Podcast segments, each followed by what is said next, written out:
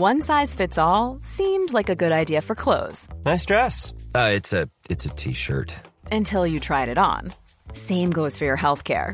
That's why United Healthcare offers a variety of flexible, budget friendly coverage for medical, vision, dental, and more. So, whether you're between jobs, coming off a parent's plan, or even missed open enrollment, you can find the plan that fits you best. Find out more about United Healthcare coverage at uh1.com. That's uh1.com. I'm Sandra, and I'm just the professional your small business was looking for. But you didn't hire me because you didn't use LinkedIn jobs. LinkedIn has professionals you can't find anywhere else, including those who aren't actively looking for a new job but might be open to the perfect role, like me. In a given month, over 70% of LinkedIn users don't visit other leading job sites. So if you're not looking on LinkedIn, you'll miss out on great candidates like Sandra. Start hiring professionals like a professional. Post your free job on linkedin.com/people slash people today. There's never been a faster or easier way to start your weight loss journey than with PlushCare. PlushCare accepts most insurance plans and gives you online access to board-certified physicians who can prescribe FDA-approved weight loss medications like Wigovi and Zepbound for those who qualify. Take charge of your health and speak with a board-certified physician about a weight loss plan that's right for you. Get started today at plushcare.com slash weight loss. That's plushcare.com slash weight loss. plushcare.com slash weight loss.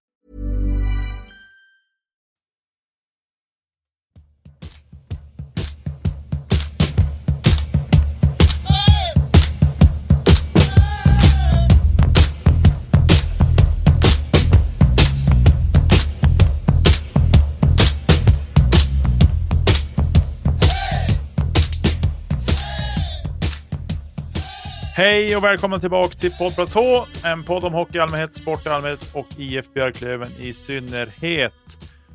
Avsnitt 101. Nu är vi inne på tre siffror på riktigt Josef. Hur är läget med dig?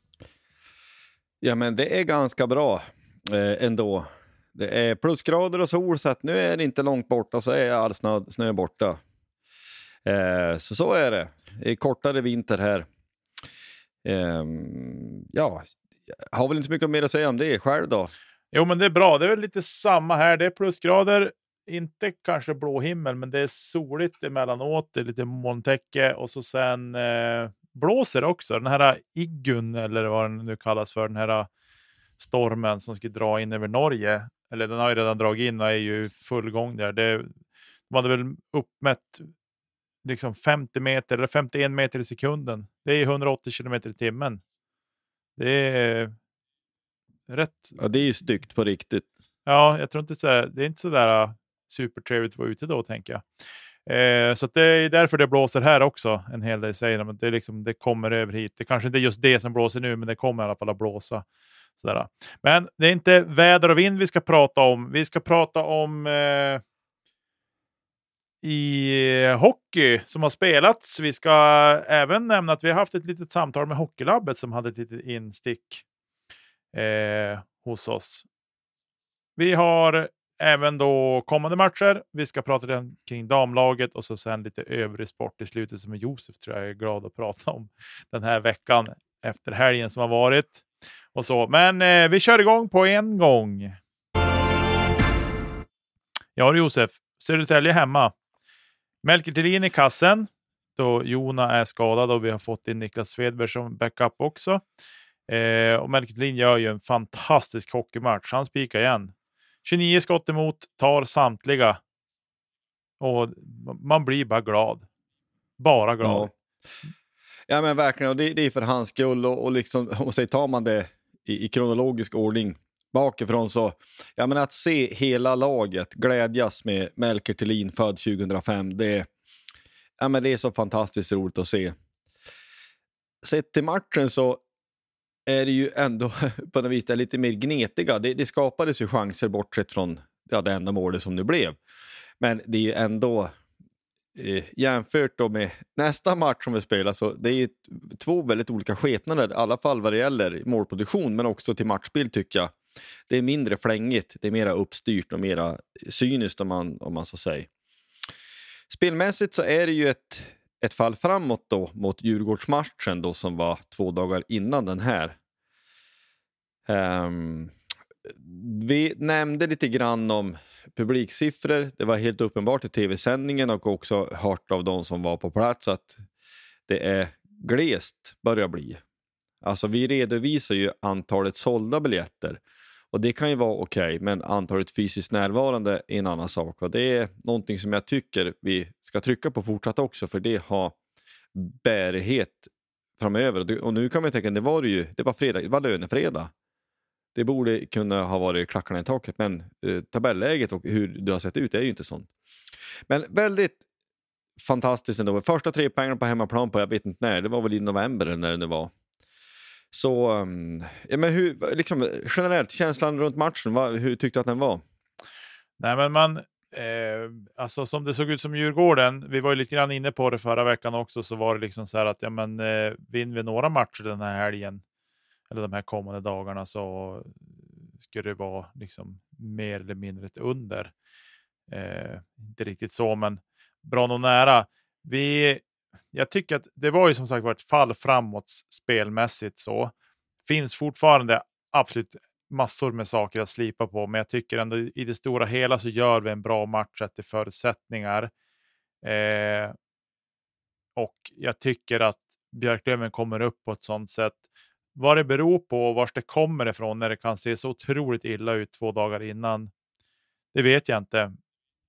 Och vars, ja men var det vad det är som har hänt eller vad det är som gör en sån sak. Om det är för att det är Melker som står, allting steppas upp lite grann, man vill spela för honom. Eller, och, och samtidigt när man, när man säger de orden så säger man det här låter ju bara fånigt. Man ska väl alltid spela för att vinna och spela för sina medspelare, alltid, i alla lägen. Alltså, så att jag, jag kan som inte, jag får riktigt inte ihop det heller, vad, vad, vad det är. Men ja, jag, jag tycker bara liksom bra med seger. Vi gör ett mål i matchen och någonstans så är det det kanske man har efterlyst också. Ja, men vinn med 1-2-0 då, bara vi vinner. Alltså, eh, och det får se ut lite grann hur det vill, för nu måste vi börja få in poäng på kontot. Eh, vi får, Schilke får ett friläge. Det är ett dåligt byte av SSK som vi lyckas utnyttja. Eh, och Schilke blir nerriven men ställs ju upp och fortsätter åka och, och sätter dit den där. Eh, och det kom några kommentarer om att hade det här varit i november så hade det aldrig hänt. Han hade aldrig ställt sig upp. Han hade bara legat kvar på isen och gnällt. Eh, jag tycker att det är fula ord att lägga om Schilke i det läget. För jag tycker Schilke är en av de som, som ger mycket på planen och, och liksom, ja. Nej, jag gillar inte det uttalandet. Men nog om det så eh, skönt med seger. Skönt för Melker att få hålla nollan, efterlängtat för honom. Och det jag verkligen gillar med Melker är att det är hans ödmjukhet. Och tittar vi, tittar vi historiskt sett på svenska ishockeyspelare som har gått långt och liksom varit duktiga och bra så har det varit en stor skopa med ödmjukhet som har gjort att de har tagit sig så långt. Eh, så att jag hoppas verkligen att Melker ska få blomma ut och bli en stor målvakt som han absolut har potential till att bli. Eh, bara han får vara hel och liksom, ja, men att det studsar lite rätt för honom i, i, liksom i uppstarten på karriären. Så. Ja, ja men det, det är någonting och, eh, ja, men att, att fundera. Vi, eh, vi har tagit in så att vi har en målvakt till när, när Jona behöver rehabba lite grann. Uh, och hur, ja, hur man nu ska välja att matcha de här två. Den ena är rutinerad som till och med har gjort en här matcher. Och den ena är en egen produkt och ung. Och det, är väl det kan vara lite det här moment 22 på ett sätt. att uh, ja, men Han behöver rutin och, och liksom få växa till sig. Hur får man det? Uh, ja, men det är när han får spela matcher så han får rutin och får växa till sig. Men då kanske man också får räkna med lite ojämnare insatser, vilket vi kommer in på strax, kanske då när vi eh, går in på nästa match. Men jag, jag vill ändå, om vi ska knyta ihop Södertälje-matchen, jag kan inte riktigt släppa det här med tv-sändningen faktiskt. Jag, jag, jag, tycker att den är närmast ett haveri, faktiskt. Om man får säga det. Knyta an till det du säger. Att ja, du har så kallade experter ja, ex experten säger ja men i, jag tror om det var i, i november eller i onsdags, då skulle Schilka ligga kvar, men det gör han inte nu. Jaha, så det, det är expertens analys. Det är så vansinnigt korkat, tycker jag. Så, så ytligt och dumt kan det inte vara. Eh, och inte minst, ännu mer kanske, Alltså kommenteringen är en sak, den är, är kanske undermålig. Eller det tycker jag att den var. Men själva sändningen som sådan, i pausen emellanåt. Alltså, vill jag se på barnprogram, då kan jag starta Bolibompa. Faktiskt. Jag tycker att det är så otroligt omoget och tramsigt rent ut sagt. Eh, man kan fundera på eh, varför det är så här. Och jag eh, vet inte, men uppfattningen man kan få nu för tiden i kanske samhällsklimat i övrigt, det låter pretentiöst, men det är att det finns så mycket tänk av eget varumärke.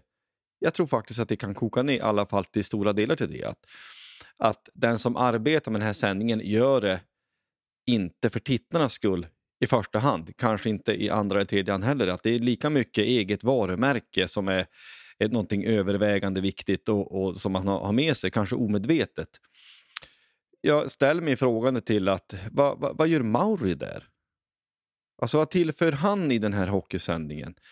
Eh, förutom att man vill hjälpa honom att promota någon serie som han har någonstans. Nej, men jag, jag, jag vet att det låter gubbgrinig, men det finns någonting här som jag tycker att det här måste ju steppas upp. Det här, jag, jag tycker inte att det är tillräckligt bra faktiskt.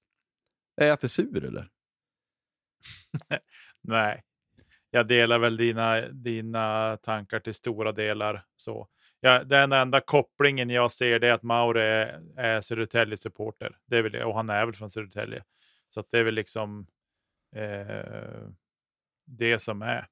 Eh, det vi kan säga mera kring matchen sen är ju tyvärr så utgår ju Nick Schilke skadad och det har kommit rapporter om fyra till sex veckor på honom. Eh, och det är ju ett, det är ett avbräck, det hjälps inte. Han har inte haft samma poängskörd som i fjol, men han eh, tillför mycket och är ju en, en viktig kugge i laget. Och det är ju synd att han eh, ja, men har ramlat bort lite så. Ja, men man kan väl också säga så här, Daggen och Sanny, ja, men de var rätt begränsade som spelare får man väl ändå, måste man kunna säga. Och det är klart att eh, deras eh, kommentering eller insatsen i tv kommer inte vara något annorlunda, tror jag, än, än just detta. Jag kan säga också att jag pratade med Schilke häromdagen, bara för att höra hur han mådde. Han är vid gott mod trots att han är skadad och eh, Eh, vi får nog hopp, eh, vi, vi, vi, det finns god förhoppning att det är just precis, kanske närmare fyra veckor än sex. Men det vet jag inte, eller det vet vi inte, det får vi se. Men eh, ja, det kändes bra ändå att höra att han var vid gott mod i alla fall. Mm.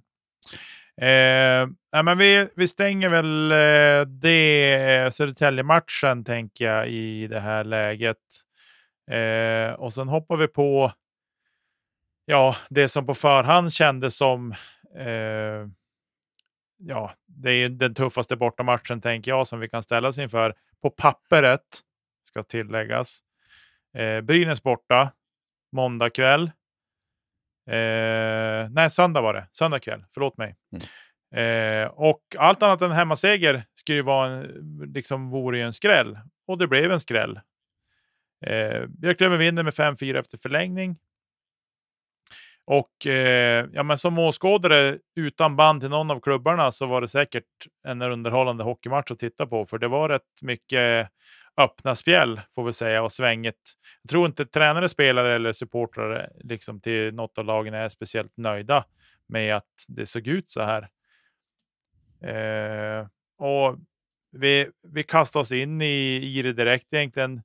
Brynäs får ju en drömstart. De gör 1-0 efter 56 sekunder. Eh, och då kände jag direkt så här att okej, okay, är det här vi är? Är det så här det ska bli nu? när, det är liksom, när man gör mål så tidigt i matchen, då vet man att det brukar kunna bygga på saker. För man är ju pigg i början på matcherna, så det kändes ju lite oroande så. Men vi gnuggar på, gnätter på. När vi har spelat 8-12 så kvitterar eh, Gustav Possler. Det målet granskades för spark, men målet godkändes helt korrekt.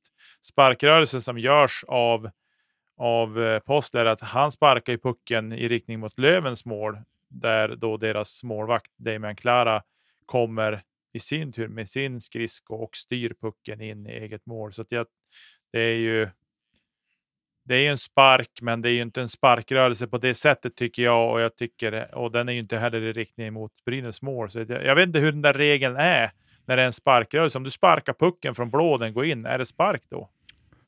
Ja, men det ska väl vara en distinkt, distinkt sparkrörelse. Alltså jag tror att du får ju... Eh, till exempel om det är två mot en och så får du ett stenhårt pass över på bortre.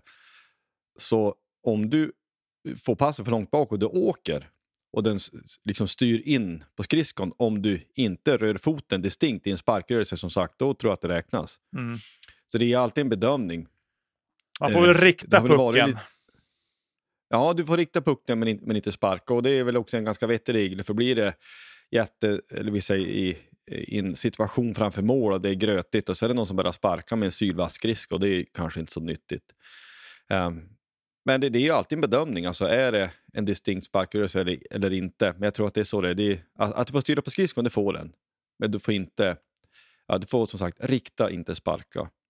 Mm. Nej, men jag håller med dig, det, det är på något vis det här, eh, vi har ju svårt, jag tycker det var med Djurgården också, eh, det här eh, pass rakt genom centrallinjen i egen zon. Vi går lätt bort oss tycker jag, att vi inte är mer vaken på bortre. Det tycker jag har hänt flera gånger. Djurgården var en sån, eh, Klasen eller ej. Och eh, likadant här så, så är ju... Eh, alltså försvarsspelet är ju li, lite för klent tycker jag. Lindgren har ju inte sin bästa match den här, den här matchen, det tycker man får så lov att säga. Det känns som att det, det finns en växel till att lägga in där, eh, hoppas jag. Men det är ju på något vis, det, det, det flackas ju fram och tillbaks i den här matchen och det, det är ju liksom den stora... Eh, det är fascinerande ändå att, eh, att en matchbild kan bli så olika bara på ett par dagar jämfört med Södertälje som var mycket mer, mer tillknäppt. Um, andra perioden, det är, liksom, det är mål i parti men nu känns det som. Kapacki gör 3-2, Fredrik Andersson gör 3-3. Fantastiskt roligt att ka kapten får smäll dit den. Kapacka igen 4-3 och Wiklund snappar upp en, eh, är det en sargtur? Ja, den kom då bakom förlängda där och så eh, han in och det är väl klart, den där kanske Klara ska ha som ett exempel om man ska vara ärlig. Men Ja, eh, alltså- vi, vi tackar och tar emot. ja, men det jag skulle säga kring Klaras ingripande där är ju att han... Eh, jag tittar på den där ett par gånger för att se vad, vad är det Wiklund gör liksom där. Eh, Wiklund går ner och hämtar pucken lite grann, men det som det är, när man tittar på Klaras agerande är att han vrider på huvudet bort från stolpen där Wiklund gör målet just innan. Och tappar väl lite grann bort vad som händer. Och i precis det så hämtar Wiklund pucken, drar in den och lyfter in den. Och den, alltså Klara är jättemiss. När man ser på honom, han är ju helt förtvivlad över att han släpper in den där, för där ska det ju vara stängt. Han sitter ju där. Men det är, han, han tittar runt, släpper armen lite grann från stolpen, så blir det en liten lucka där som, som Wiklund lyckas trä in pucken på. Eh, vi ska säga också att när Jakapekka gör sitt tredje mål för dagen, 4-30 Brynäs, då byter vi målvakt. Melker Thelin Mm. ut och Niklas Svedberg som får göra debut i Löventröjan. Och det jag vill säga här, eh, det som händer där är ju att det blev en positiv effekt av det.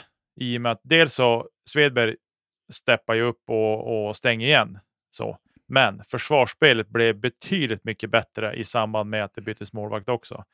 Eh, jag kan tycka så här att om vi analyserar de målen som de gör. Fjärde målet, absolut att Melker ska liksom kunna ta den och så. Men, de, men jag tycker ändå på fjärde målet, alltså på de andra målen, det är ett bedrövligt försvarsspel. Fjärde målet, vi är tre gubbar hemåt som bara backar och backar och backar och backar. Alltså vars är kommunikationen mellan backarna? Vri på huvudet, alltså det känns som så basic försvarsspel så ska det bara kunna lösa sig. Istället för att stå upp, styr fram, alltså få han att åka i sidled eller vad som helst. Jag är helt övertygad om att vi, vi, det blir inte ett fjärde mål där i matchen för Brynäs om backarna står upp istället för att bara falla och falla och falla så att han får komma in ordentligt i skottzonen och nypa dit den. Eh, att vi byter målvakt, ja positivt eftersom att det vart ju stängt sen då, men jag tycker inte att Melker Thelin ska belastas för något av målen. Möjligtvis att han ska ha den fjärde, men i övrigt så tycker jag att det är försvarsspelet som är alldeles för dåligt och lämnar Melker helt ensam i många situationer. Eh, så att jag... Ja, men det är väl ett jättebra exempel. Alltså att eh, han ska ha den, ja. Men situationen som sådan ska ha ha blivit avstyrd före det oavsett. Alltså man måste kunna tänka båda sakerna samtidigt. Det är, om inte en tavla så är det billigt. Men det där ska man kunna styrt bort för det. Alltså, skottet ska aldrig behöva komma fram ens en gång. Jag håller med det i, mm. i detta, utan tvekan. Men eh, tredje perioden då, det kommer lite statistik där när, när de gjorde sitt fjärde mål innan vi hade kvitterat, innan Wiklund hade kvitterat. Så kom det lite statistik där att ja, men då, le, då Brynäs leder inför sista perioden, då vinner de typ ja, men eh, de har väl förlorat en match när de har ledat inför sista, men resten av matcherna har de vunnit. Eh, och det är klart att det är ingen så här smickrande statistik för motståndarlag, men som tur är så då kvitterar ju Wiklund och då vart det så här, jag tänkte jag, jaha, vad kommer att hända nu då? För den här statistiken har inte visat någonting på hur Brynäs klarar sig då. Eh, eh, men det blev en mållös period i vilket fall. Eh, Svedberg gör ju ett par fina räddningar, det kan vi inte säga någonting om. Eh, och ja, men de hade någon i, de hade någon i utsida målbur där och, och så, men eh, ingenting som vart någonting farligare än så. Eh, men det blev förlängning i alla fall och då är det, som, ja, men det är lite lotteri, det är lite som vid straffläggningen också. Det, det är liksom, vem vinner teken, vem får äga puck mest i förlängningen? Eh, den kommer att avgöra det. Nu var det så, Brynäs hade ju puck första 22 sekunderna i förlängningen. Det vart en åkning mellan Anton Redin och Nörsteby. Och eh, det går, alltså backspelet av Nörsteby det är fem av fem. Helt klockrent hemjobb. Vinner pucken eh, till Powell som då passar över till Wiklund. Powell sätter fart, får tillbaka pucken av Wiklund. En två mot ett läge där Powells intention är ju att passa över pucken till Wiklund så han ska få, ja men inte helt tomt mål, men bra nog nära. Men eh, backcheckningen av Simon Bertilsson, han styr ju in pucken i eget mål och segern är ett faktum. Mm. Och eh, otroligt skönt. Jag, jag sticker till hakan, men kanske har stöd av väldigt många. Jag tycker att Ante Rudin är en av, ja, om inte ligans största filmare, så är han då topp fem alla gånger. Han får ingenting med sig i den där situationen i slutet där när Nörsteby tar pucken av honom. Eh, och det var ingen klockren domarinsats åt något av hållen. Det är saker som missas åt bägge håll.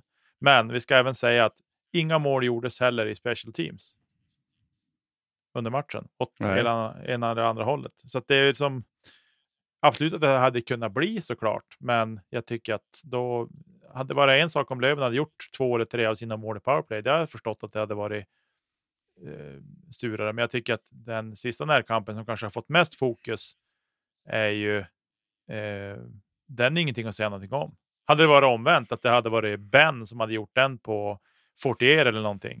Då hade alla tyckt, men vadå, ät mer gröt. Det är väl ingenting, det var en vanlig närkamp. Så att, ja, jag tycker att det var magstarkt att prata Nej, alltså, om att det var fel. Ja, men jag fattar vad, vad, vad gnäller man över? Var ska Nörsteby ta vägen? Ledin försöker skära in Nörsteby följ och ställa sig i vägen. Följ hela vägen och att han är starkare det kan han inte rå för. Eh, just där och då. Ja, jag, jag, jag, förstår inte heller. Jag tycker som sagt, det är, det är jättebra. Eh, helt enkelt. Sen om det var rättvist eller inte, det, det må, må väl som vara. Eh, men vi får liksom två poäng och då, då vi, vi sa innan att vi, vi var underdogs egentligen både mot Södertälje och Brynäs och så tar vi fem och sex poäng. Det kändes ju helt otroligt. Men en fråga som jag inte kan låta bli att ställa också att ja, men har vi vunnit bägge eh, i Gävle. Den här matchen, när de faktiskt släpper in fem stycken på hemmaplan. vad säger den här matchen om Brynäs? Säger det någonting? Går det att dra någon slutsats av något slag? Alltså nu, jag ser ju extremt lite matcher med Brynäs. Jag ser ju i princip de vi spelar mot dem. Eh, och så har jag sett någon annan match också när de har spelat. Alltså deras målvaktsspel är ju kanske deras, eller målvaktssidan är ju deras svaga puck. Så är det. Eh, mm. Sen om, om Klara ska belastas för allting. Nej, tycker jag inte, men absolut så Wiklunds mål, där tycker jag att det ska vara stängt. Eh, Postlers, ja, det är ju också en sån. Freddans, den är helt hopplös. Pucken kom bakifrån mål och upp liksom. Den, det är ju, det är ju väldigt svårt att ta den. Eh, och sen målet vi gör i förlängningen, det är liksom lite slumpen. Så jag vet inte, det går som inte att säga heller att det är bara målvaktsspelet. Men jag, som, alltså, tittar man lite grann på pappret så, så är det väl målvaktsspelet jag lägger ögonen på mest. Sett till vad som är problemet med Brynäs. Offensiven går inte att säga någonting om. Jag menar, de har ju massor med NHL-rutin och nej, jag tycker att det det säger väl någonting att Brynäs har problem med Björklöven hemma. Det är, I alla fall efter de här matcherna vi har spelat där. Vi har vunnit bägge där. Så. Ja, precis som vi har problem med Karlskoga. Så det, man har väl kanske lättare och svårare för olika lag. Ja, men innan vi knyter upp den här matchen så tycker jag att eh, vi behöver nämna Jakob Olofsson. Det, börjar, det, det man har sett embryon till, det vad är det som att ja, men nu kanske det kanske, kanske ändå att det börjar pigna till lite eh, i alla fall. Han, han eh, har någon assist här och jag tycker han börjar ta för sig. Ta för sig mer och mer. Eller vad säger du? Nej, jag är helt enig. Jag tycker att han har växlat upp eh, mycket på slutet. Men grejen är också att han har fått spela med, med alltså han har fått spela högre upp i hierarkin på något vis. Eh, och få spela med bättre spelare. Och det är då vi får se han blomma ut. Jag hoppas att de fortsätter på det. Alltså fortsätter ge honom förtroende. Och liksom, för han har ett fantastiskt bra spelsinne och liksom en bra blick för spelet och kan sätta upp andra spelare i bra lägen. Så jag tycker att han måste, han har utnyttjats på fel sätt. Han är ingen tredje, fjärde lina spelare. Han ska upp i, i en första eller andra lina för att vi ska få, få ut någonting av honom. Det finns andra spelare som vi har i kanske första eller andra som kanske skulle passa bättre än tredje, fjärde lina. Eh, så.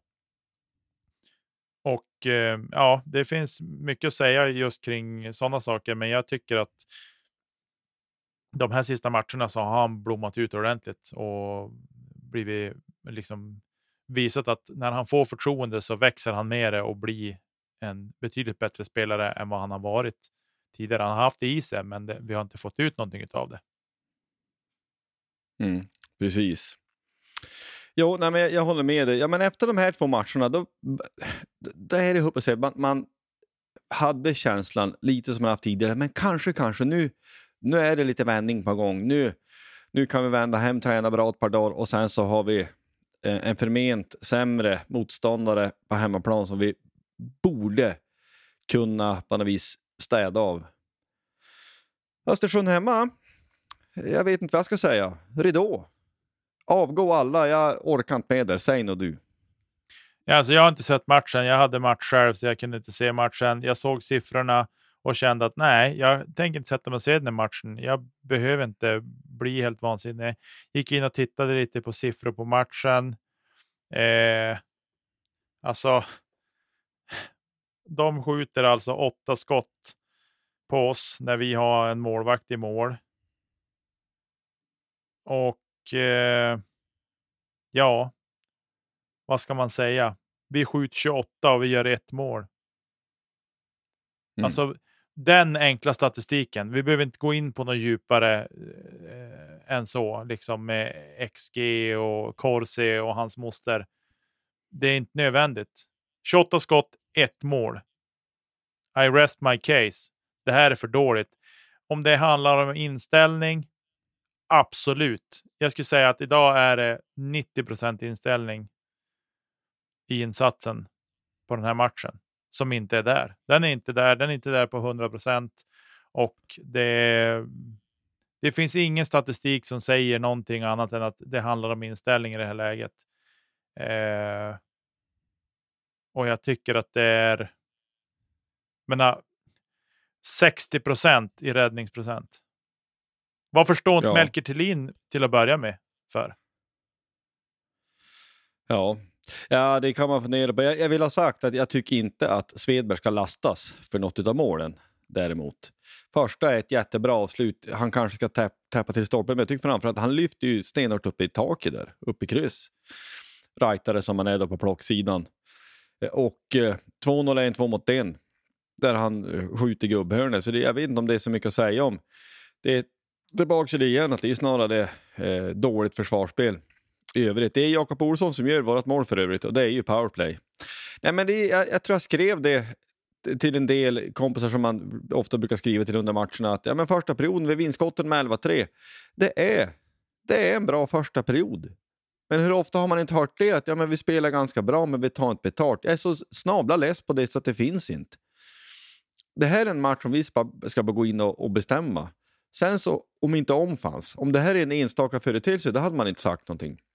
Mayer har ju ett friläge, eller ett jättebra läge bara i början, någon av de första bytena. Sätter han den, ja men då kanske det blir något annat. Ja men han drar han i plex eller vars han drar han? Eller om han tog, jag minns inte. Spelar ingen roll. Vi gör inte mål. Och vi, vi skapar lägen, men vi sätter ju inte dit dem. Så att jag tycker... Eh, alltså jag, jag orkar inte analysera det här något mer än så. Vi ska inte förlora på hemmaplan mot Östersund. Punkt. Så enkelt är det. Det spelar ingen roll hur, hur det ser ut i övrigt. Och eh, det kommer tillbaka till det som vi har varit inne på förut. Jag, jag tycker att det är helt uppenbart och helt nödvändigt att vi behöver byta tränare. Det lades ut eh, presskonferensen efter matchen lades ut på Löven Solid Sport så man kan titta på den. Och jag, på något vis, människa först, ledare sen, alltid. Jag uppfattar inte att det är en tränare i, helt i balans. Jag förstår att också att han kan vara helt vansinnig efter en sån här match. Men han är inte särskilt trevlig mot VK som faktiskt steppar upp och ställer lite, lite strävare frågor, vilket ju med all rätta. Alltså någonting behöver hända. Så här ska det inte behöva vara. Vi ska inte kunna växla så vansinnigt mycket mellan insatser. Att vi vinner på bortaplan mot det lag som har trillat ut ur SHL ena dagen, så går det ett par dagar så förlorar vi mot seriens kanske, ett, kanske sämsta lag, eller ett utav dem. Eh, helt rättvist dessutom, i någon mening. 4-1 går inte att skoja bort. Eh, Empty net goals, två stycken eller inte. Östersund vinner inte orättvist, tycker inte jag i alla fall vi, vi skulle vara betjänta att byta tränare och här ställer jag mig så otroligt frågande till varför inte Per Kente agerar. Jag fattar inte. Vi har ställt oss frågan förut. Vad har, vad har, på vilket sätt har Björklöven mindre anledning att agera på ledarsidan än till exempel Djurgården eller Örebro eller andra som har agerat på tränarsidan? Vi, har ju minst, vi ligger sexa i tabellen, i en haltande tabell där vi har en match mer spelad än eh, alla andra. Två matcher en del. Jag vet inte om det är tre till och med också, men vi har spelat mest matcher i hela serien. Det är ett underbetyg och det är under, undermåligt. Det är bara så. Och vi kommer aldrig strax komma in på samtalet vi hade med Hockeylabbet som var väldigt intressant. Men vi stryker under. Den viktigaste statistiken av alla, det är vem som vinner matcher. Hur många poäng har man i en tabell? Och nu, alltså vi, det är februari. Ingen tabell ljuger i februari. Någonting är monumentalt fel och det här behöver ändras på. Jag tycker man behöver skruva i, i rätt ände. För att det, det pratas ju ibland, eller liksom eh, pratas om att ja, men vi behöver få in mer spelare. Vi behöver få in folk som, eh, som eh, ja, få, få full trupp och det kanske vi behöver i den mån det är så. Men jag tycker att rockader i truppen, det är ju inte prio ett nu alls egentligen. Utan vi behöver byta tränare, för den nya tränaren behöver ha input i det som då, är i, då blir gruppen. Alltså input i vem man eventuellt ska ta in. Vi behöver ta reda på hur gruppen reagerar på en ny röst. Vilka som så att säga bröstar upp och svarar upp på det och vilka som inte gör det. Alltså vi behöver börja i rätt ände, helt enkelt. Och det behöver göras nu. Det har behövt göras i flera veckor vill jag påstå. Men nu är det ju helt uppenbart. Och det handlar inte om ett enskilt resultat i, mot Östersund eller inte. Det är exakt så här det ser ut. Vi är upp och ner och vi är ojämna. Och vi klarar inte av att spela mot lag som ställer upp och drar ner tempo. De här ska vi kunna städa av. Och nu, nu på något vis har man rantat nog länge, men, men det får ju vara nog någon gång. Det får ju vara nog någon gång. Jag fattar inte. Vi har inte mindre anledning än någon annan klubb som har blivit, blivit tränare. Den saken är säker. Likheterna med Wallson är så enormt stora. Vi behöver få till en förändring och det är ögonblickligen. Ja, jag håller med. Och eh, just det här med statistik som vi har pratat om och som har kanske legat till grund i många ja, men, intervjuer som har gjorts med Viktor och sådär. Så eh, tar vi ett snack med de som kan det bäst i Hockeylabbet och eh, det tar vi här.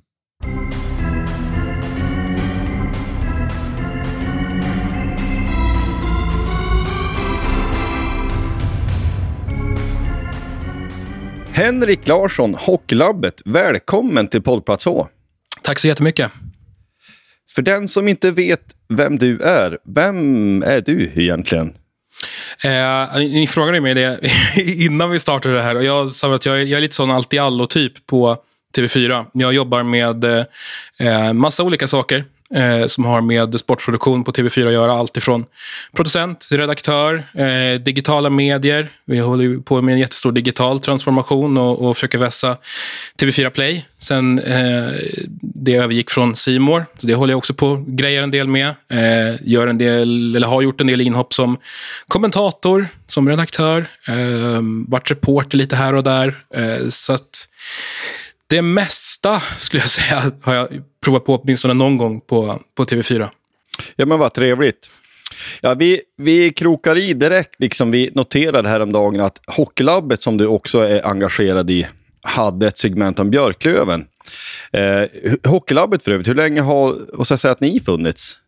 Eh, Hockeylabbet som begrepp har ju funnits ett antal år. Eh, jag tror att det är sedan 2018. Då började vi, vi eh, eh, göra tv-produktion av, av Hockeylabbet. Först då med en kille som heter Peter Karnbro. Eh, och med Leksands sportchef Thomas Tjomme Johansson som, eh, som sidekick och Björn Oldén som programledare. Sen så resulterade det ju i att eh, Tjomme fick jobb som sportchef i Leksand och då, första han gjorde då var att ta med sig Petter Karnbro som eh, scout och analytiker och jag tror tror att han har till och med titeln som assisterande general manager där nu. Eh, och då kom det in en kille som heter Erik Wilderoth eh, som också var med i programmet i några år. Eh, och tillsammans med Petter Rönnqvist. Och sen blev ju Erik i sin tur värvad av Rickard Wallin när han tog över Färjestad. Så att då, då försvann ytterligare en, en analytiker från Hockeylabbet. Eh, och därefter så kom en kille som heter Simon Brännström in då, som jag gör den här podden med idag. Eh, och eh, sen i, sen i höstas så stod det klart att vi inte skulle göra eh, tv av Hockeylabbet längre och då kände jag och Simon att men vi tycker det är väldigt kul och, och liksom hade träffats några gånger och pratat mycket om, om hockeyanalys. Så då bestämde vi oss för att vi provar och ser lite grann hur eh, vi kan utveckla det här i poddformat. Och det avsnitt som du refererar, refererar till här om Björklöven, det är vårt, eh, det fjärde vi har släppt. Vi hade premiär några dagar före jul. Just det. Just det. Nej, men det, det, det uppskattas. Och om man kan ställa den frågan, un, alltså, intresse för underliggande statistik, eh, hur kommer det sig? Eller var kommer det ifrån? Har du alltid haft intresse, eller ni? Eh, jag kan väl bara tala för mig själv då, men jag, jag har alltid haft ett intresse för hockeystatistik. Eh, det var liksom lite min väg in i ishockeyn. Jag har inte varit aktiv själv. Men eh, när jag började läsa på baksidan av hockeybilderna där någonstans runt 1993 så bara öppnades en helt ny värld för mig. Så att jag har varit jätteintresserad av hockeystatistik sedan dess. Eh, och liksom tassat gradvis in på det här eh, analysspåret med underliggande siffror de senaste åren. Eh, sen när jag blev producent för Hockeylabbet för ett par år sedan så fördjupades ju in, intresset. Det, det, blev ju mer eller mindre så, för man måste ha en grundläggande förståelse för, för innehållet. Um, och sen så har det väl fördjupats ytterligare med tiden. Jag uh, har haft en, en roll här tidigare under säsongen där jag har varit med och liksom, tillsammans med våra experter tagit ut lite av, av, av de här riten och, och liksom, eh, de, de, här analyserna som, som de gör i SHL-studion och kunnat komplettera lite grann med uppslag och idéer runt, runt vad vi ska plocka fram för siffror och så vidare. Så vi har haft ett litet samarbete där kan man säga. Så att, jag skulle säga att det, det har fördjupats ganska ordentligt för mig de sista, sista året egentligen. Just det. Eh, alltså statistik är ju superintressant om det är kring någonting som man själv tycker är, är eh, ja, men som man eh, ha ett engagemang i på ett eller annat vis. Eh, men det finns ju många olika uttryck som används idag. Som, eh, ja, men för er som jobbar med det på ett annat sätt blir det, ja, men för er blir det vardag. För oss som är lite, ja, men, ändå på något vis, vi är bara liksom supportrar och ja, men, kan grotta ner oss i, i statistik också, men vi har liksom inte full koll på samma sätt som ni har. Men alla de här uttrycken som finns, liksom med XG, XGA och sånt. Kan du, och Corsi och alla de här bitarna. Kan du förklara lite grann kring vad de är i... Du får välja ordning själv, men liksom förklara lite grann vad de uttrycken betyder. Um, absolut, jag kan göra ett försök i alla fall. Uh, det här är verkligen Simons hemmaplan. Men, men XG är ju det som vi pratar om uh, och som är det centrala i egentligen när man, när man pratar i bredare termer om un, underliggande statistik. Och Det är alltså ett samlat värde på chanser som skapas framåt respektive bakåt. Och Det är massa olika parametrar som vägs in uh, till, till något som kallas förväntade mål bakåt och framåt. Eh, och Det kan alltså vara, i, i, regel så är det skott från olika lägen på isen eh, vid olika situationer i matchen eh, som, som får ett, ett bestämt värde och det finns en, en modell som räknar ut det här. Um, och i, då istället för att liksom räkna reda mål framåt och bakåt, som ju är grundläggande liksom plus minus statistik, så tittar man på istället hur de chanser som skapas, eh, vad de har för, för värde. Och sen så, för, så får man ett värde då, ex, förväntade mål, det är det som expected goals handlar om. Förväntade mål framåt och förväntade mål bakåt. Det är liksom det grundläggande XG. Corsi är ett, ett lite mer, vad ska man säga, ett lite enklare sätt att mäta ungefär samma sak. Då tittar man på eh, hur mycket chanser som skapas framåt respektive bakåt man kvittar det mot varandra och sen får man liksom en, en procentsats där man som spelare vill ligga hur, så högt som möjligt. Alltså, man, vill, man vill ha så stor del av, av, av de 100% chanser som uppstår framåt och bakåt. Men den modellen tar inte hänsyn till eh, värdet på chanserna. Det kan till exempel vara då skott som kommer från mittzon Um, och ett, ett, skott som kommer från ja, men tre decimeters håll. De har samma värde i, det, i den modellen. När det gäller XG så får de eh, olika värden. Det vill säga att det, det, skottet som kommer från nära håll då är värt mycket mer än det skott som till exempel eh, dras iväg på chans med fem sekunder kvar från mittzon. Så det, det, är väl, det är väl det grundläggande kan man säga. Känns det begripligt? Absolut. Absolut. Mm. Men det är ju, jag, tycker, jag tycker att det är just intressant det där med att, för ibland blir ja men Korsin ser bra ut. Men just som du säger, när ett skott i, liksom, i slottet och ett skott från ja men, ja men mittzon då. Nu skjuts det inte så mycket från mittzon, men ändå. Att de har samma värde säger ju ändå att Korsin säger ju egentligen inte jättemycket. Den blir ju en förenkling som du säger. Eh, men det är ju det är den man har hört mycket. Liksom, runt fikaborden och sådär har man hört det där. Liksom, ja, men Korsin ser ju bra ut. Ja, fast vi gör ju inga mål ändå. Liksom, så så att, eh, intressant. Ja, Kor Korsin kan man väl säga att det var någonstans med det som alltså den, alltså avancerad hockeystatistik liksom tog sitt avstamp, kan man säga. Det var där det, var där det började. Eh, och sen så har det, har det ju blivit en A lot can happen in three years, like a chatbot may be your new best friend. But what won't change? Needing health insurance. United Healthcare Tri Term Medical Plans, underwritten by Golden Rule Insurance Company, offer flexible, budget friendly coverage that lasts nearly three years in some states. Learn more at uh1.com. Burrow is a furniture company known for timeless design and thoughtful construction, and free shipping, and that extends to their outdoor collection. Their outdoor furniture is built to withstand the elements, featuring rust proof stainless steel hardware, weather ready teak and quick-dry foam cushions. For Memorial Day, get 15% off your Burrow purchase at burrow.com slash ACAST and up to 25% off outdoor. That's up to 25% off outdoor furniture at burrow.com slash ACAST. Betydligt mer omfattande eh, modell sen dess då. Eh, så att det, det, det, är ett ganska basic mått som man kanske inte riktigt använder sig av lika ofta nu. Alltså det är inte irrelevant på något sätt, för det visar ju någonstans mängden chanser som skapas åt olika håll, men man, man pratar inte riktigt lika mycket om det som man, som man gjorde förut, när det, när det måttet så att säga breakade. Det här är ju fortfarande liksom väldigt nytt. Alltså det är inte så många år som man har pratat om avancerad statistik överhuvudtaget. Så det är ju en, en bransch i, i, liksom, i, i ständig förändring och det dyker upp nya nya sätt att mäta och nya mått att ta hänsyn till hela tiden. Ehm, så att eh, jag kan bara som exempel nämna, jag var på en konferens i Linköping i juni månad. där eh, i stort sett alla som jobbar med hockeyanalys i Sverige och en del från eh, andra länder också och olika klubbrepresentanter samlades för att liksom prata om ol olika men, statistiska modeller och, och datainsamling och sånt. Alltså, det finns jättemånga spännande teorier för hur man kan använda den här statistiken på, på ett bra sätt. Så att det händer jättemycket nya spännande grejer hela tiden. Eh, jag tänker att datainsamling för det här, för att få ihop till någonting att börja bygga statistiken på måste ju vara rätt stor ändå. Tänker jag. Alltså nu har det spelats jättemycket matcher sedan, ja, men 2018 när ja, men det här fick någon sorts avstamp. Men jag tänker att det måste ju finnas enorma mängder med data att bygga det här på så att det blir ganska tillförlitligt då, eller?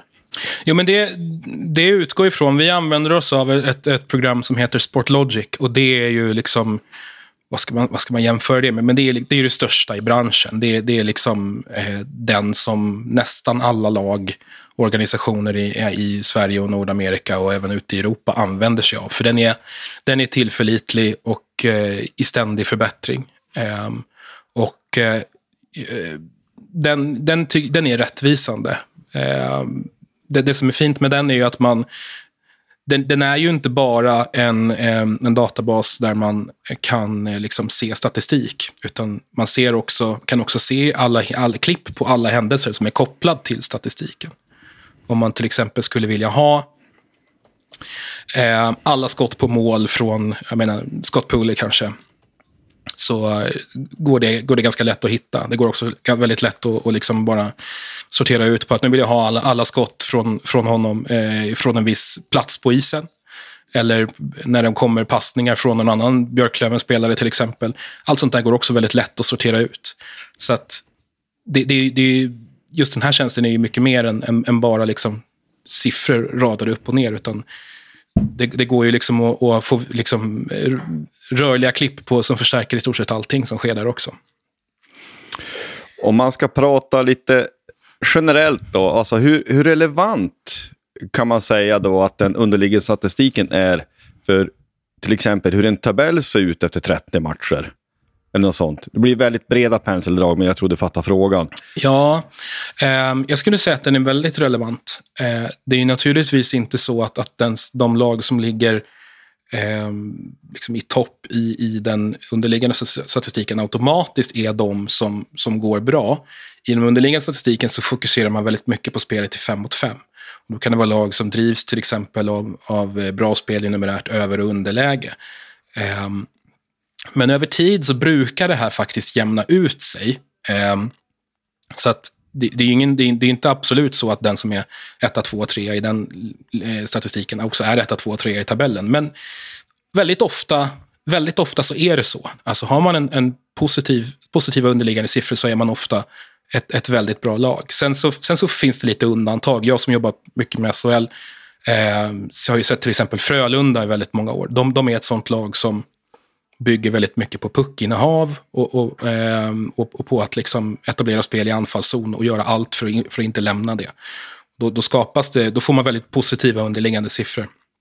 Men de har haft problem med liksom exekution, de har haft jätteproblem med att göra tillräckligt med mål. Eh, och, och inte placera sig liksom så pass högt i tabellen som de här siffrorna anger. Oskarshamn är ett annat sånt lag. De är ju lite som en humla. Eh, de ska inte kunna vara så bra som de har varit de sista åren, men har ju haft eh, i sin tur enorm spets framåt som har levererat eh, över förväntan. Men långt svar här nu, men, men över, överlag, ja. Ligger man högt i de underliggande siffrorna så är man nästan alltid också högt upp i, i tabellen. Det finns, det finns naturligtvis undantag dock. Mm. Eh, ni, alltså, ni har släppt fyra avsnitt nu i er podd Hockeylabbet mm. och eh, där var det typ 10-12 minuter där ni pratade just kring Björklöven. Eh, så vi kan rekommendera våra lyssnare att gå in och lyssna på det så ni får höra det själv.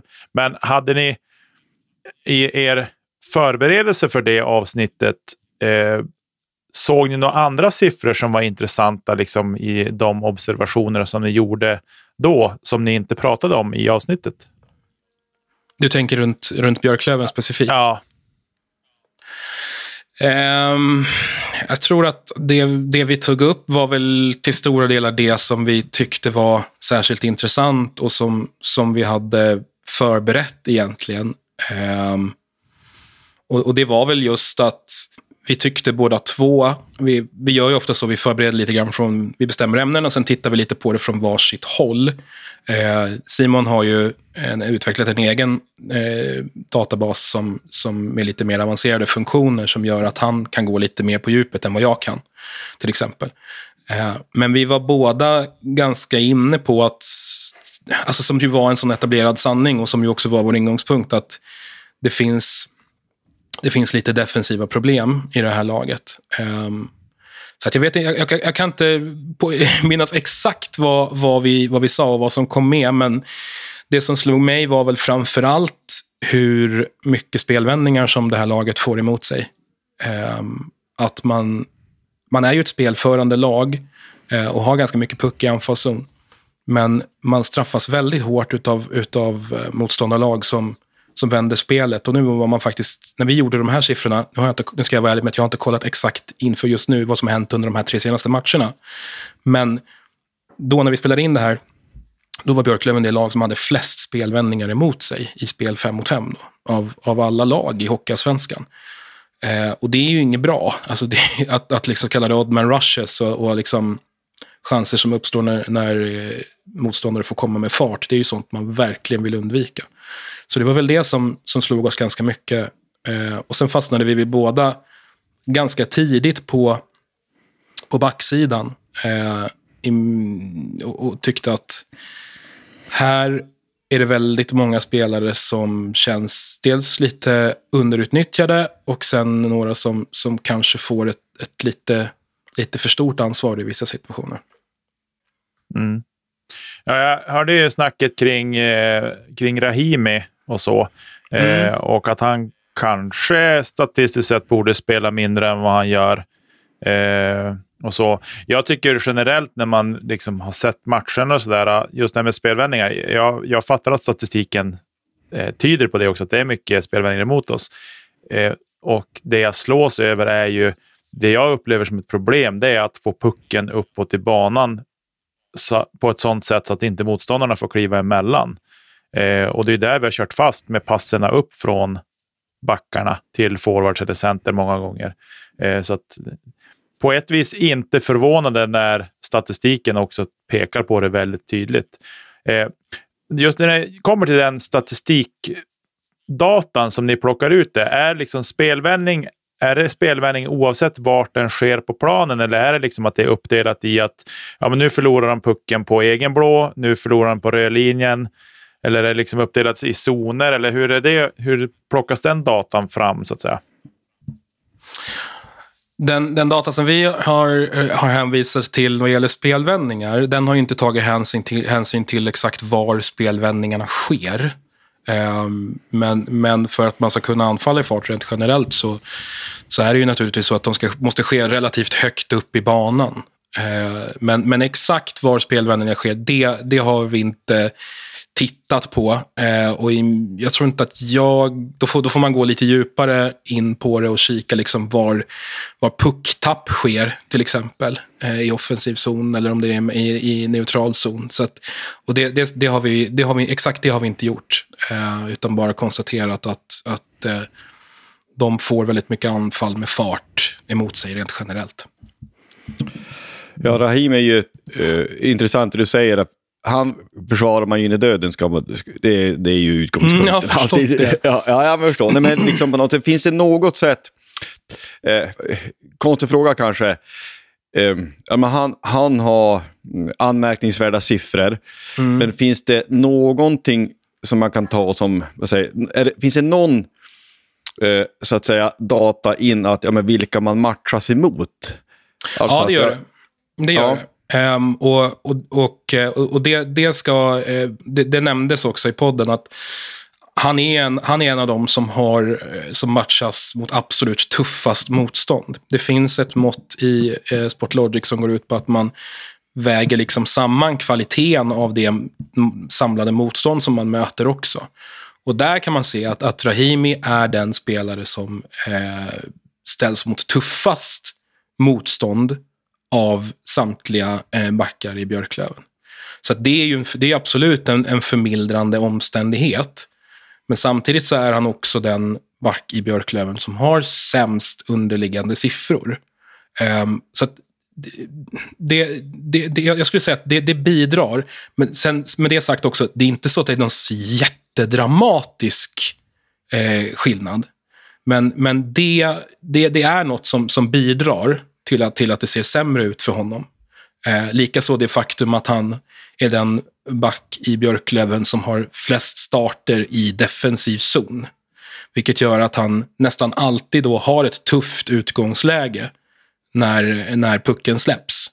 Eh, det finns ju flera backar i, i Löven till exempel som har mer än, än liksom dubbelt så många offensiva zonstarter som, som Rahimi har. Så att det, är ju, det är ju några sådana saker som, som kan bidra till att, att hans siffror inte, inte ser särskilt bra ut. Då. Ja, det är ju superintressant. man känner ju nu liksom direkt, man kan ju gräva hur mycket som helst i det här, liksom att jämföra ja, men hur många backar har kanske fler mål emot trots att de har startat i anfallszon efter, på en tek till exempel. Alltså sådana saker. Hur... Eh, fantastiskt verktyg. Jag känner en viss avundsjuka och skulle vilja in och sitta och grotta det där. För jag, jag gillar statistik själv. Jag är tränare själv, i innebandy dock, men ändå, då jobbar man ju ändå med, fortfarande med statistik. Så det är ju liksom eh, eh, ändå ett fantastiskt verktyg och jag känner en stor avund. Att, och jag skulle vilja sitta och grej, grotta ner sig i det. Det är ett kaninhål, Josef, som du brukar säga. Jo, Ja, men det, det är det verkligen. Alltså man, man kan verkligen förlora sig i, i, i de här eh, siffrorna och, och det, det, går verkligen att, att, hitta extremt, extremt mycket spännande saker av, av liksom varierande betydelse verkligen. Men, men eh, eh, nej, det, det är oerhört lätt, att, oerhört lätt att fastna i det, ska jag säga. Vi, vi tar en, lite lätt fråga här. Det vill säga att nu, mm. nu råkar du heta Viktor Stråde. Va, vad ska ja. Björklöven göra då? Nu? Vi ligger sex i tabellen.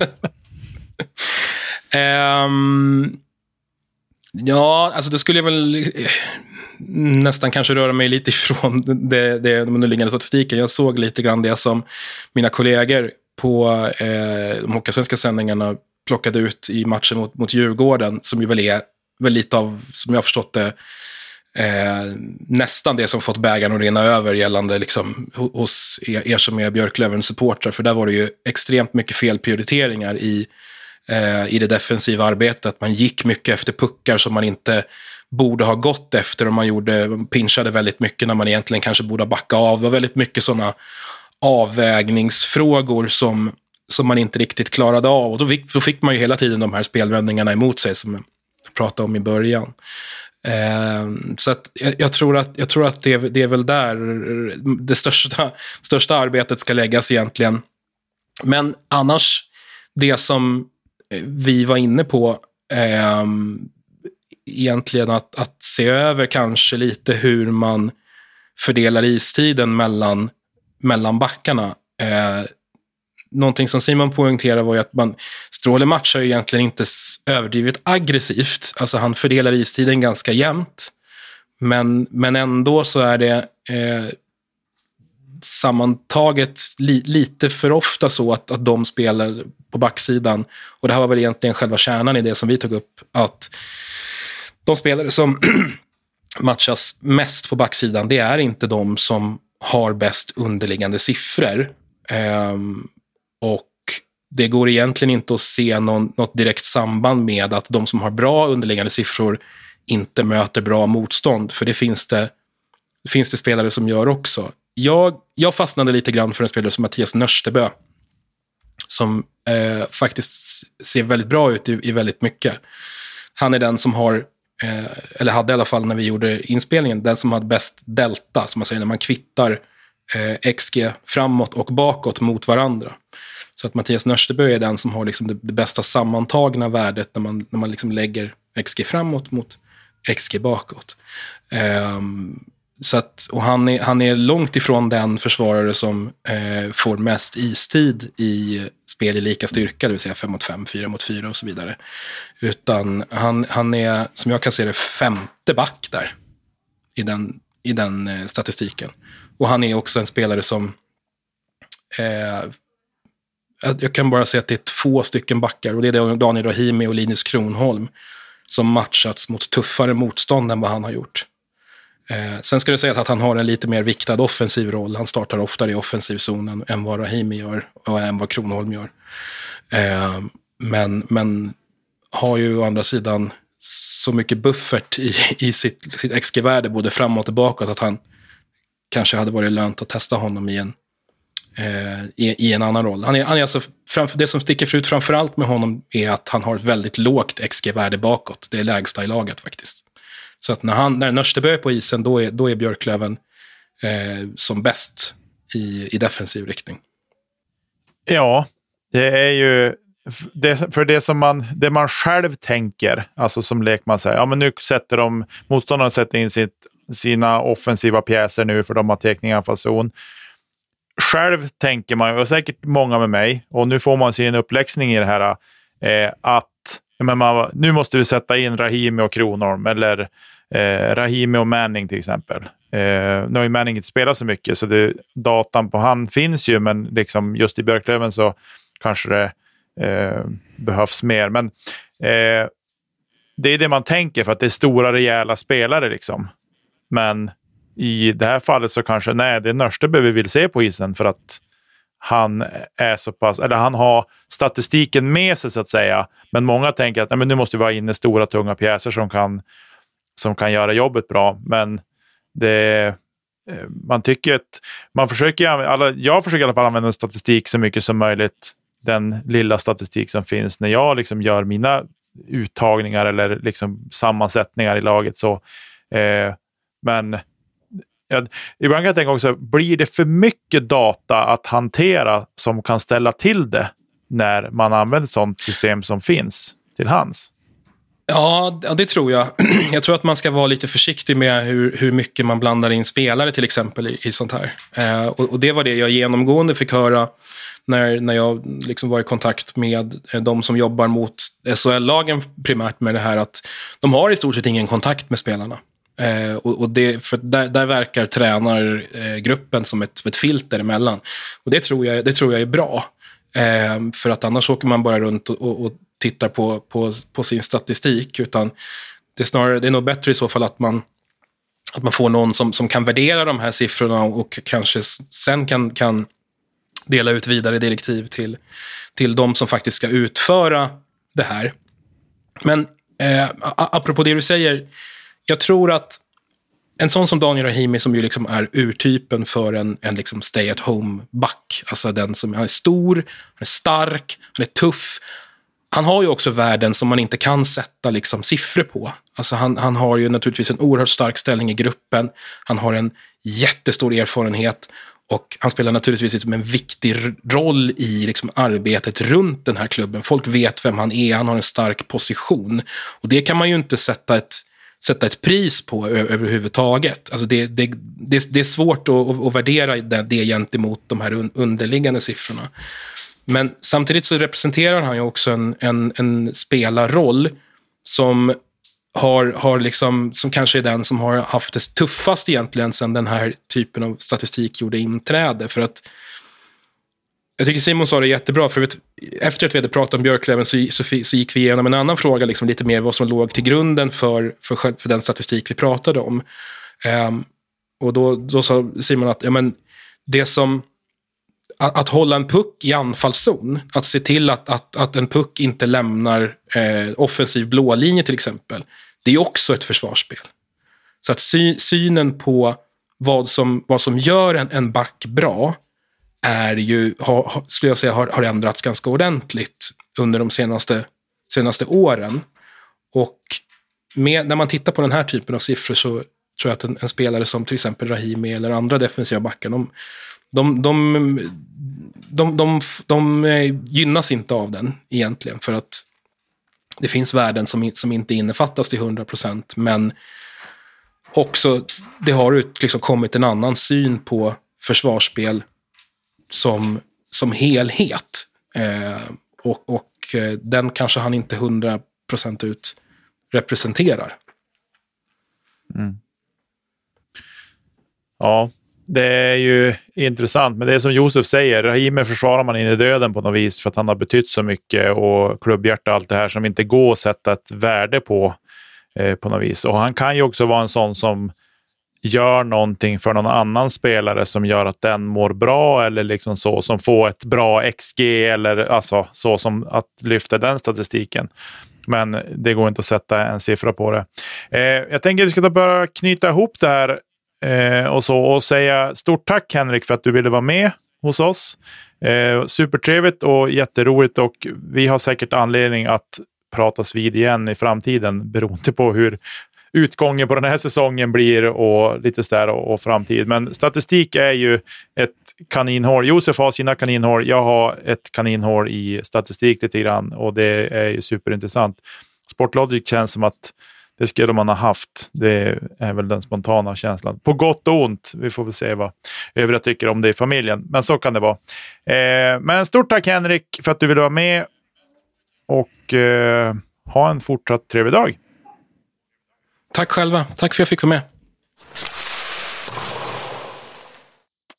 Där hade ni snacket med Henrik från Hockeylabbet. Supertrevligt att prata med honom och få se, eh, ja, men höra lite grann av dem och hur de jobbar och, och sådär. Eh, ja, Josef, Arne Hegerfors har avlidit. Ja, eh, för min generation, eller för många, han arbetade ju med sportjournalistik som vansinnigt länge, men han var ju rösten för det som präglade ens idrottsupplevelser hela ens uppväxt och långt efter det. Det fanns ju fler, du har Bo Hansson och du har Agne Järlevik och andra. Men, men det var på något vis Arne Hägerfors som satte ord på mycket av den idrott som mer eller mindre för alltid har etsat sig fast i en det var ju under, eh, för min del de här verkligt formativa åren som han var en viktig del, eller blev en viktig del. VM, hockey-VM 1987 där Sverige vann guld är ett sånt bra exempel. Det var Arne och Ankan. Alltså Ankan som är Anders Ankan Palmström, den gamla eh, förbundskaptenen som då var hockeyexpert. Det, det var de två, det var ett radarpar. Det var, det är på något sätt, det de kommenterade, det är det som man minns helt enkelt. Han, Arne han kommenterar ju eh, ganska många historiska idrottshändelser, givetvis i och med att han höll på så länge. Det var allt ifrån Maradonas sanslösa dribblingsmål mot England 86, Foppa-straffen i Lillehammer 94 och likadant USA-VM 1994 där vi firade midsommar i Pontiac Silver Doom till exempel. Och här tycker jag, när vi har varit lite grann inne på det, det här med, med idrottssändningar, att det är sån smärtsam skillnad, eller den blir så smärtsamt tydlig skillnaden då mot nu. Jag påstår inte att allt var bättre förr, för det var det inte. Men allt är definitivt inte bättre nu. Jag tycker att i mångt och mycket har sportsändningar försämrats faktiskt radikalt. Tekniken är ju uppenbart bättre. Det är fler kameror, det är bättre allting och det är i, i, i tusentals K allting höll på att säga. Tekniken är bättre. Det, det är på något vis innehållet ofta som är sämre. Jämför ta Södertälje-matchen som ett jättebra exempel. Det är så stor skillnad mot då, då och nu. Min uppfattning är att kommentatorn gjorde det, det han kunde för tittarens skull, eller radiolyssnarens skull, mycket mer än vad det är nu. Det fanns ingenting av eget varumärke för Arne Hägerfors. Minns jag rätt så tror jag att när han, han avslutade ju i kommersiella kanaler, han gick över till ja, men kanal digital eller kanal plus eller vad det nu hette då. Men det erbjudandet han fick där han skulle få en mycket, mycket högre lön, det funderar ju han på i veckor och månader. Det var inte så att det var någonting han hoppade på direkt, utan det var, det var ett stort steg för honom. Och det tror jag knappast att det är för de som är nu. Får de bättre betalt någonstans så tror jag de hoppar på det på, på stört på sekunden. Oavsett vilket så är det ledsamt att, att, att höra. Arne Hägerfors han blev 81 år gammal. För vår generation så är han kanske den viktigaste sportkommentatorn och vi, vi sänder alla tankar vi kan till de anhöriga som han har. En, en legend har gått ur tiden, en legendar har gått ur tiden och eh, vi kommer att minnas honom för alltid. Kommande matcher. Ja du Josef, det är Almtuna borta fredag kväll. Sen möter vi Brynäs hemma på måndag. Och sen spelar vi hemma mot Almtuna igen på onsdag. Men vi börjar väl med, vi kan väl knyta ihop Almtuna-matcherna lite grann med varandra tänker jag. Ja, jag, jag har ju planerat att fara till Uppsala med långkalsonger och allt för det är en kall ishall. Eh, först tänkte jag att det här, vad är det frågan om? Nej, men då ska jag dit. Vi hade bestämt sen förut eh, att fara dit med sonen, så det roligt att umgås med honom. De är ju vuxen nu, så att de bor ju inte hemma. Han bor utanför Uppsala. Så då eh, är, det, är det för det. Men eh, det här hockeymässiga, det känns ju... Ja, det känns ju sådär va? Ja. Alltså när man kom dit så kommer man ju ändå tycka att det är kul. För det är kul att gå på hockey. Men sett i den senaste insatsen och hur frustrerande det är att... Det, det känns lite så här. Vi väntar på det som vi anser vara det fullständigt oundvikliga. Det handlar bara om när vi ska dra plåstret. När ska vi göra en rockad på ledarsidan? Och tills dess så är vi lite grann i limbo. Vi väntar ju bara på det, oavsett vilket. För att även om vi vinner matcher ibland, vi kan se bra ut ibland borta mot Södertälje eller eh, borta mot Brynäs och hemma mot något annat lag ibland, så spelar ju inte det någon roll. I, över tid, det här spelet kommer inte att räcka någonstans.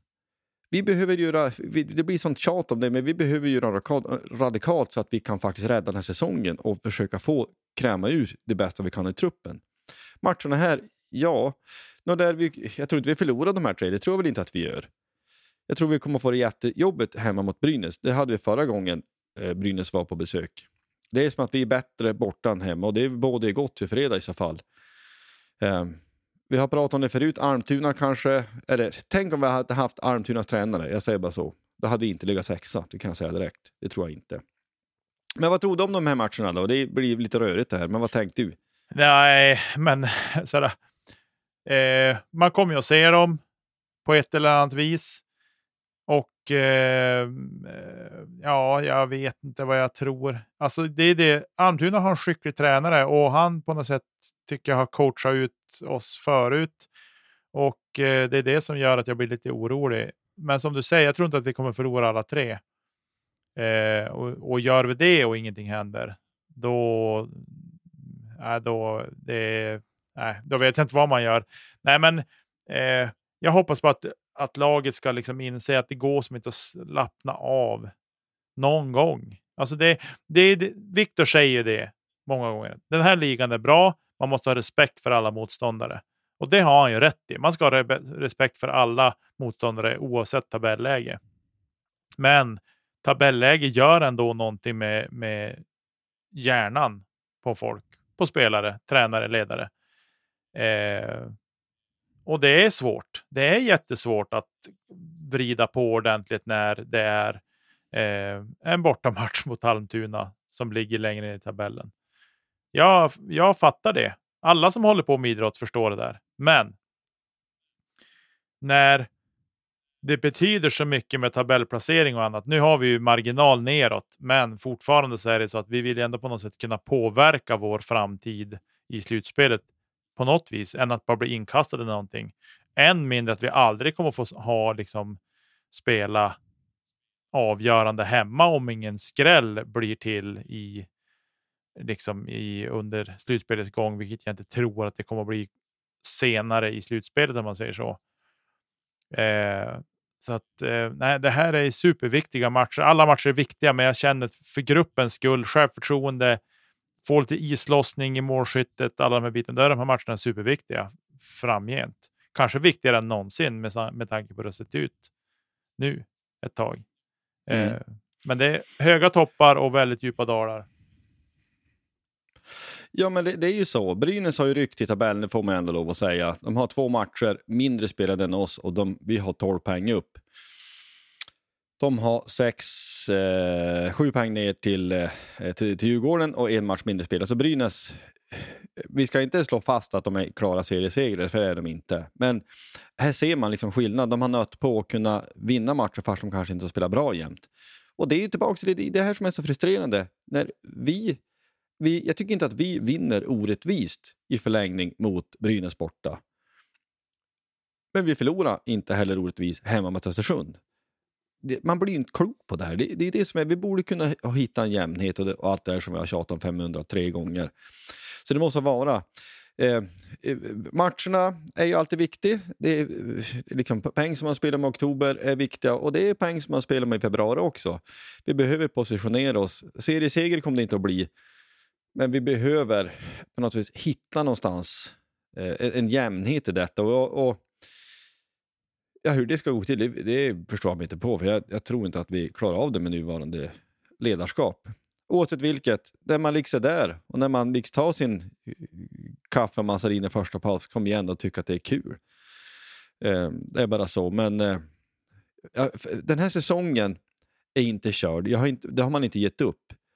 Men det är ju under förutsättningen att nödvändiga förändringar görs. Görs inga förändringar, det finns inte en chans i världen att vi går upp med det här som det ser ut nu. Det tror jag inte. Det är det som har varit målet. Gör vi det, då kommer jag vara den lyckligaste människan. Jag har sagt det, jag ska ge Viktor Stråle. Jag ska säga så här att Viktor Stråle, Stefan Öhman och Robert Lahti ska få varsin vildsvin, styckat och klart. Eh, här och nu. Eh, ja. ja, jag lovar det under året. Börjar få tid att skjuta dem så då ska vi nog se att det där ordnar sig.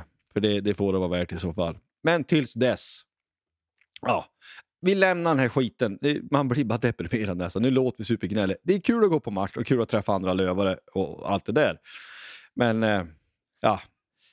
Alltså, det, det, det gör ju någonting. Det gör ju någonting med en alltså. Det är alltid det men. Vi, för vi har varit med så länge så att det blir som att man kör fast i. Men. Ja, man vill. Ja. Ja, det, är, det är roligt ändå, men kul att du åker dit i alla fall och får hänga lite grann med din son. Det, det tycker jag är väl Du, jag tänker att vi lämnar de här kommande matcherna och så hoppas vi på nio poäng in på kontot. Det vore skitbra. Och så går vi vidare och pratar igen kring damlaget. Ja, damlaget har spelat matcher. De är ju igång i full gång med sin hockeyallsvenska och eh, där spelar de samtidigt som här laget mötte eh, Södertälje så spelar de borta mot Örebro där det blev vinst, vilket ju är ju helt fantastiskt.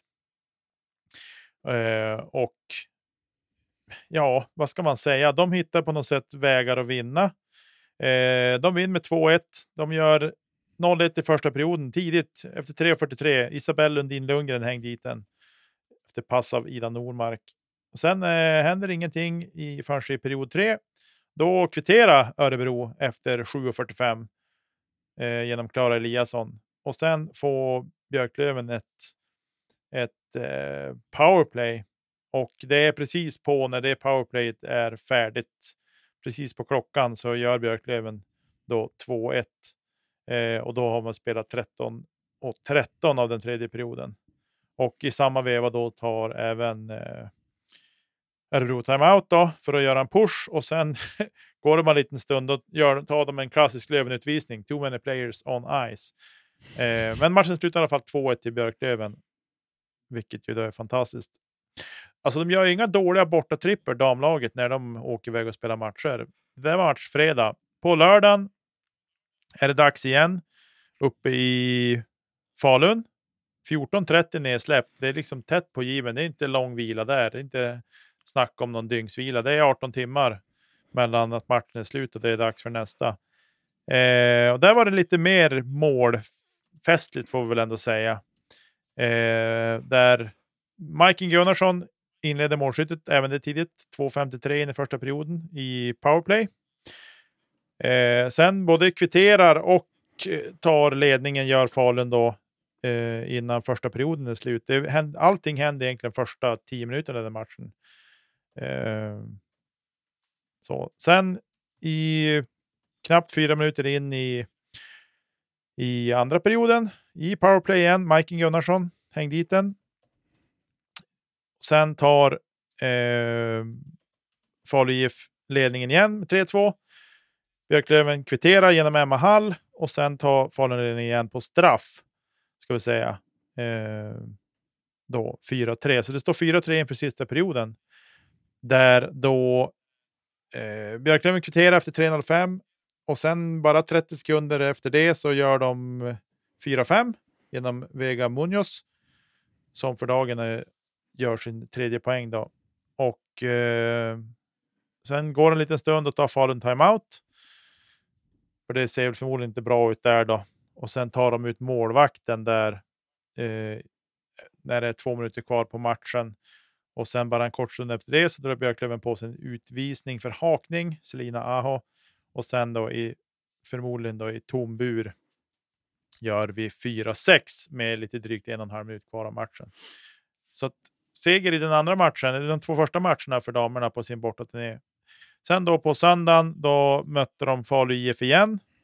Och där var det målfattigt. Det blev 1-0 till Falu IF och det målet kom 2.55 in i andra perioden. Och sen eh, ja, hände det inget mer. Så det var lite utvisningar och sådär, men, men i övrigt så var det inget. Eh, så, och den matchen den startade 12.45. Alltså fattar du tätt de matcha? Ja, det är ju det är bara att lyfta på alla hattar som finns. Det spelar ju ingen roll, utan det är bara, bara all respekt för detta. Tänk man på Eh, fotbollen som sä- har liksom, ja men de spelar match typ, spelar de onsdag, lördag, onsdag, ja då tycker man att det har varit tätt matchande.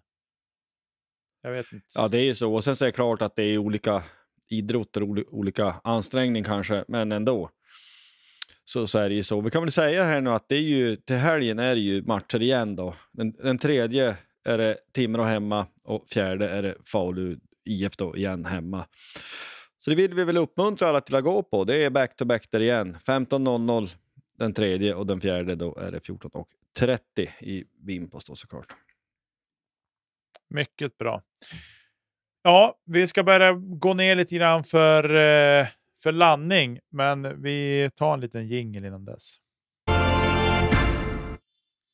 Ja, Josef, ditt si, si, din eh, del i avsnittet här. Ja, nej men alltså det här känns ju väldigt, väldigt bra helt plötsligt vad det gäller i sportens värld. Nej, men vi pratar ju NFL här som jag har intresset av. Jag har följt 49ers, ja det är många, det är många år sedan jag missade en match. Så jag ska ärligt säga, alltså det är så här, 49ers går ju till Super Bowl, man vinner ju sin motsvarande semifinal, eh, den matchen, mot Detroit Lions. Man låg under med 7-24 i paus och vänder till vinst med 34-31. Det är så magiskt skön seger. I paus ska jag ärligt säga så tänkte jag tanken att ah, ska jag gå och lägga mig?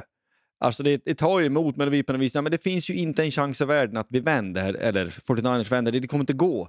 Men ah, jag håller väl ut ändå till the bitter end. Jag har ju sett det här laget så många gånger, jag har sett skitmatcher i de när, när de har varit helt värdelösa. Ah, jag ser väl färdigt. Och sen så när man börjar gneta ikapp. Man ska också säga så här att det, det är ju, att man, man steppar ju upp för att man är så pass bra. Men det är också så att Detroit har ett par tveksamma beslut som man gör i matcherna. Alltså för den som inte kanske har stenkoll på reglerna, det är, man pratar om försök. Första, andra, tredje, och fjärde försök, eller så kallade downs. Man är det mest aggressiva laget i ligan att gå före på fjärde down. Och det gör man också den här matchen vid ett par tillfällen. Och framförallt i andra delen av matchen så har man möjlighet att sparka ett field goal. Men man går för det för att komma närmare för att då kunna göra en touchdown istället. Och så lyckas eh, eh 49ers eh, hold, hold its ground där så att de får tillbaka bollen utan att de har gjort några poäng alls. Och så här i efterhand så är ju det ett misstag. Då har man kört så hela säsongen i Detroit så att det är inte konstigt att man fortsätter med den saken. Men det, ibland, inte minst i slutspel, så är det bra att ta poängen. Ta poängen. Eh, och det är man ju tacksam för. Å andra sidan, hade man lyckats så hade man ju stuckit kniven i, i 49ers där och då och så hade matchen på något vis kanske varit slut då, i någon mening. Men det är helt magiskt. Det, det, ja, jag är en mycket, mycket glad man. Ska sägas att man möter Kansas City Chiefs i Super Bowl då, om två veckor. Ja, en och en halv vecka blir det ju då, nästa söndag. Man är ju redan nervös, kan jag säga. Och jag, vet, inte, jag, jag gillar en Kansas City, de är ju bra framför allt. Och sen har du den här sprätten med Holmes. Han, det är någonting som triggar mig när jag ser han. På något vis. Jag tycker Brock Purdy, QB som- för San Francisco, han är mycket mer sympatisk. Kanske framförallt för att han spelar i laget som man gillar. Ja. Ja, men det blir intressant att se vad som händer där. Vi kommer säkert att hinna återvända till det här i nästa veckas avsnitt också, kring när det börjar närma sig de bitarna. Eh, ja, vi går väl ner för landning där tänker jag. Det blir ett lite längre avsnitt idag i och med att vi hade med Henrik från Hockeylabbet. Så. Eh, och, men vill man nå oss så gör man det i sociala kanaler. I Instagram, Facebook eller X. Där vi heter Poddplats. Det är bara att söka på oss där, då dyker vi upp. Vill man mejla oss så går det också jättebra. Där har vi en mejladress som lyder poddplatsh.gmail.com. Så det är väl det jag har att säga. Vinn nu bara Löven. Gå för allt ni bara kan och så. Det är det jag har att säga. Tack för mig. Tack för oss. Forza Löven. Hej, hej!